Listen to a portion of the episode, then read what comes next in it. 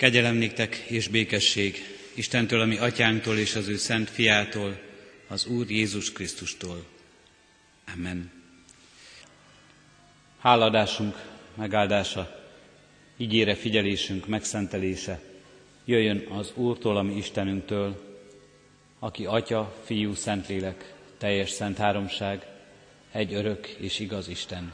Amen. Imádkozzunk. Köszönjük, Urunk Istenünk, hogy eljuttattál minket mai napra, egész héten megőrizted az életünket.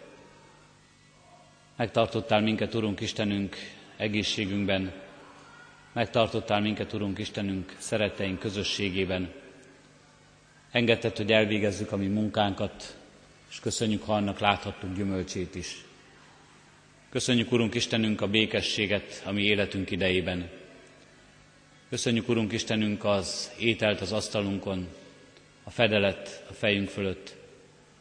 Köszönjük, Urunk Istenünk, a lelki kenyeret, melyel tápláltál minket, a hitnek ajándékát, és köszönjük, amikor rád figyelhettünk, amikor azt érezhettük, hogy igazán teljes a közösségünk veled, amikor meg tudtuk ezt élni egyéni csendességünkben, imádságunkban és igeolvasásunkban, közösségünkben, testvéri közösségben, a gyülekezetben, az ige hirdetés hallgatásában.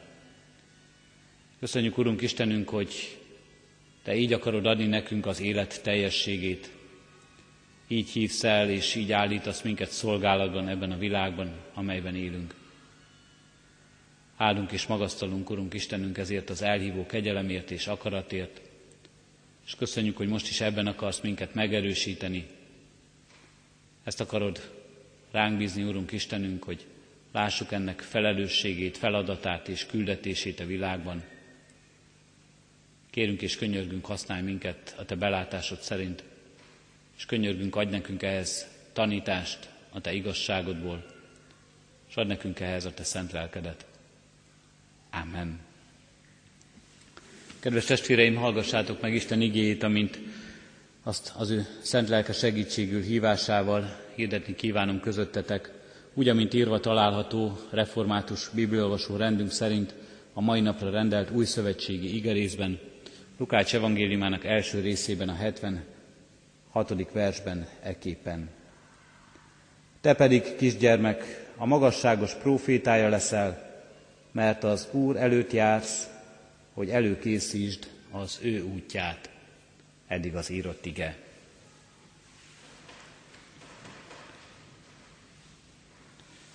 Kedves testvérek, ez az ige a kisgyermek fölött keresztelő János születése után hangzik el, egy himnusz, egy hálaének részeként, a gyermek fölött érzett öröm és a profécia, amely a gyermekről szól, a kijelentés alapján, amelyet Isten adott egy gyermek apjának, Zakariásnak.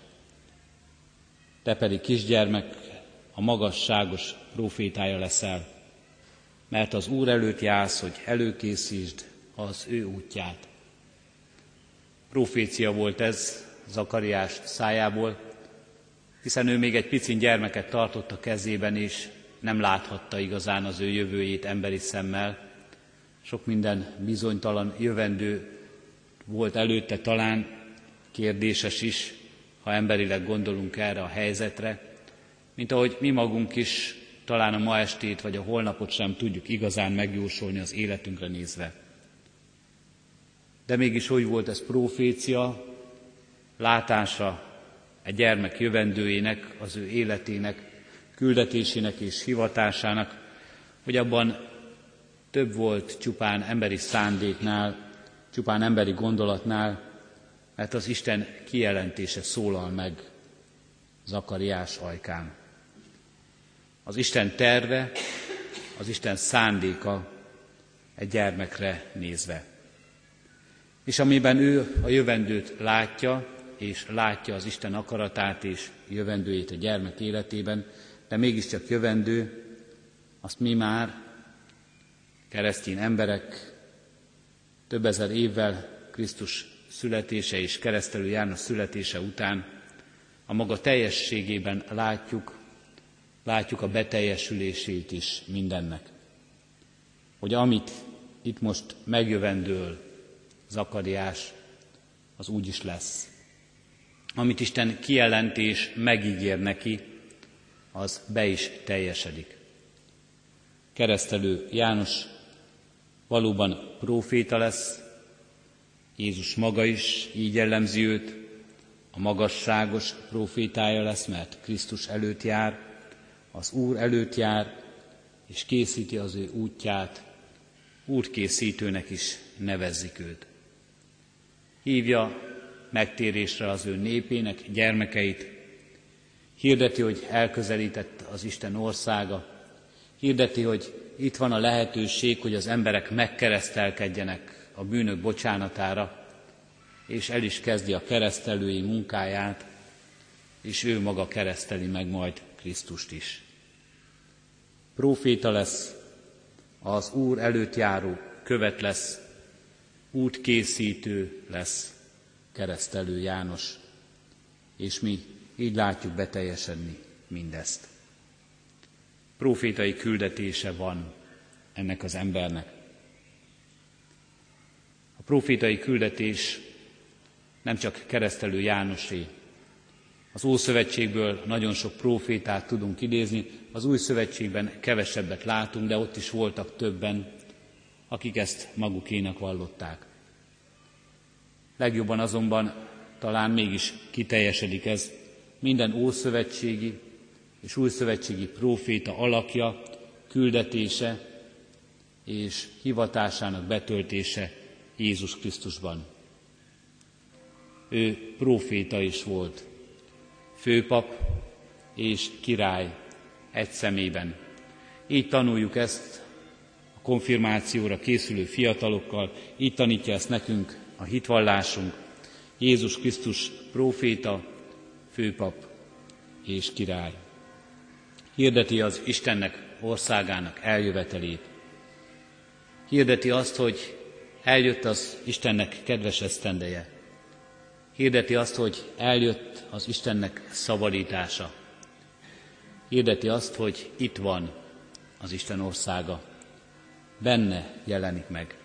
Kiteljesedik és beteljesedik ez a profétai szolgálat Jézus Krisztusban. De Jézus Krisztus mennybe menetelével és a Szentlélek kitöltetésével és kiáradásával nem ér véget ez a profétai szolgálat. Az új szövetség arról is beszél, hogy lesznek majd közöttetek, a Krisztus elhívottai között olyanok, akik proféták lesznek, akik szintén különlegesen az Isten lelkétől ezt a kegyelmi ajándékot kapják, hogy így hirdessenek, így szóljanak az Istennek olyan dolgairól, melyet Isten rendelt el, és amely, ahogyan Zakariás proféciája is beteljesedik, és egészé lesz. Én most ebben az ige hirdetésben nem erről szeretnék szólni, hanem a Krisztus testéről, a Krisztus egyházáról, és az egyház profétai küldetéséről. Rólunk, a Krisztus testéről, az egyház tagjairól, a keresztény közösségről, a keresztényekről, a mi profétai küldetésünkről. Hogyan szól keresztelő János születésekor ez az ige? Te pedig kisgyermes, kisgyermek, a magasságos profétája leszel, mert az Úr előtt jársz, hogy előkészítsd az ő útját. Ami profétai küldetésünk Istentől van. Nem magunkat tesszük azzá, nem magunkat jelöljük ki, nem a saját vízióinkat, elképzeléseinket próbáljuk ráerőltetni a világra és megvalósítani, és nem azokat kell nekünk minden áron emberi erőnkkel is megvalósítani, amit mi gondolunk erről a világról, hanem meg kell látnunk, föl kell, hogy nyíljon a szemünk az arról, hogy Isten hogyan látja ezt a világot, ezt kell hirdetnünk, mert ez lesz meg, ezt hirdeti az Isten, ezt teljesíti be az Isten. Profétai küldetésünk tehát a magasságostól, az örökké valótól, az Istentől jön, ami számunkra is, a Krisztus teste, a Krisztus egyháza számára is. Azt is mondhatnánk, hogy az Úr előtt járunk, de valójában időben már az Úr után járunk, hiszen Krisztus előttünk elvégezte a maga munkáját, elvégezte a maga főpapi munkáját, el, bemutatta azt az áldozatot egyszer, tökéletesen, amelyben elvégzi az Isten megváltó akaratát, amelyben megszabadít és felszabadít mindannyiunkat. Mi utána járunk, az ő követői vagyunk, ő jár előttünk, és ő tapossa ki előttünk az utat, és ő visz és vezet minket az Isten örökké valóságába és üdvösségébe. Ő jár előttünk, és mi őt követjük. De bizonyos fokig mégiscsak érvényes az életünkre nézve az is, hogy az Úr előtt járunk. Azoknak az embereknek szolgálunk, a világban úgy élünk azok között, akik nem ismerik az Isten evangéliumát, akik nem ismerik az Istennel való közösség áldását, akik nem ismerik, rejtve van még előttük az örök életnek beszéde és igéje és forrása, akik nem ismerik úgy Krisztust, mint az Isten fiát, mint megváltót. Isten előtt járunk követségben, és ez a világ, amelyben élünk, a közösségek, akik között szolgálunk, akiknek szól a bizonyság tételünk, bennünk és rajtunk keresztül ismerhetnek rá az Isten csodájára, az Isten csodálatos szeretetére az Úr előtt járhatunk követségben. Csodálatos méltóság, tisztség és feladat ez, és keresztelő János nem is vetette ezt meg egy, egy pillanatra sem. Nekünk is így kell ezt fogadnunk, az Úr követeiként, szólni és hirdetni mindazt, amit ő bíz ránk, rámutatni, az ő, őt, dicsői, az őt dicsőíteni, az ő dicsőségét zengeni a világban. Megváltó szeretetéről bizonyságot tenni, a saját életünk bizonyságát átadni, az egyház, közösségünk bizonyságát átadni. Azt, hogy hogyan szeret minket az Isten, hogyan tart meg mindig minden körülmények között, és hogyan áld meg minket az Isten az Úr előtt járni, és készíteni az ő útját. Hogy majd amikor ő megérkezik, akkor sokakat készen találjon. Kiváltság, lehetőség és felelősség ez az Isten népe számára, amelyre Isten tesz készé bennünket, amelyre Isten hível és amely útra Isten áldít minket. De az is benne van ebben az igében, hogy mi csak készítjük az utat az ő megérkezéséhez. A nagy ajándék, a nagy csoda, az nem általunk adatik, az nem bennünk van, az az Úr érkezésével jut el mindenkihez. Ahogyan így jutott el a világba, ahogyan keresztelő János így készítette Krisztus eljövetelére is, megérkezésére az utat, de Krisztus volt az igazi ajándék, Krisztus volt az igazi megváltó, Krisztus nem csak hirdette a bűnök bocsánatának lehetőségét, hanem ő maga hozta el a bűnök bocsánatát. Krisztus nem csak oda terelte az embereket az Isten elé, hanem ő maga az Isten fiaként, Istenként szólt, tanított, és isteni hatalmával gyógyított, és Isten fiaként lett megváltóvá. A mi útkészítésünk is hasonló munka. Egy idő után, egy pillanat után visszalépünk, hátralépünk, félrelépünk ebből az útról, hogy aki érkezik, az lehessen a nagy, a dicső, az örökké való király, ami életünk ura is, vehesse át a hatalmat, vehesse át a munkát, végezhesse el munkáját azok között, akik felé útkészítő munkát bízott ránk. Hogy ő alakíthassa át az éleketeket, ő formálhassa át a világokat, ő formálhassa át emberek életét és világát. Mi magunk is, magunkra is értelmezhetjük ezt az igét.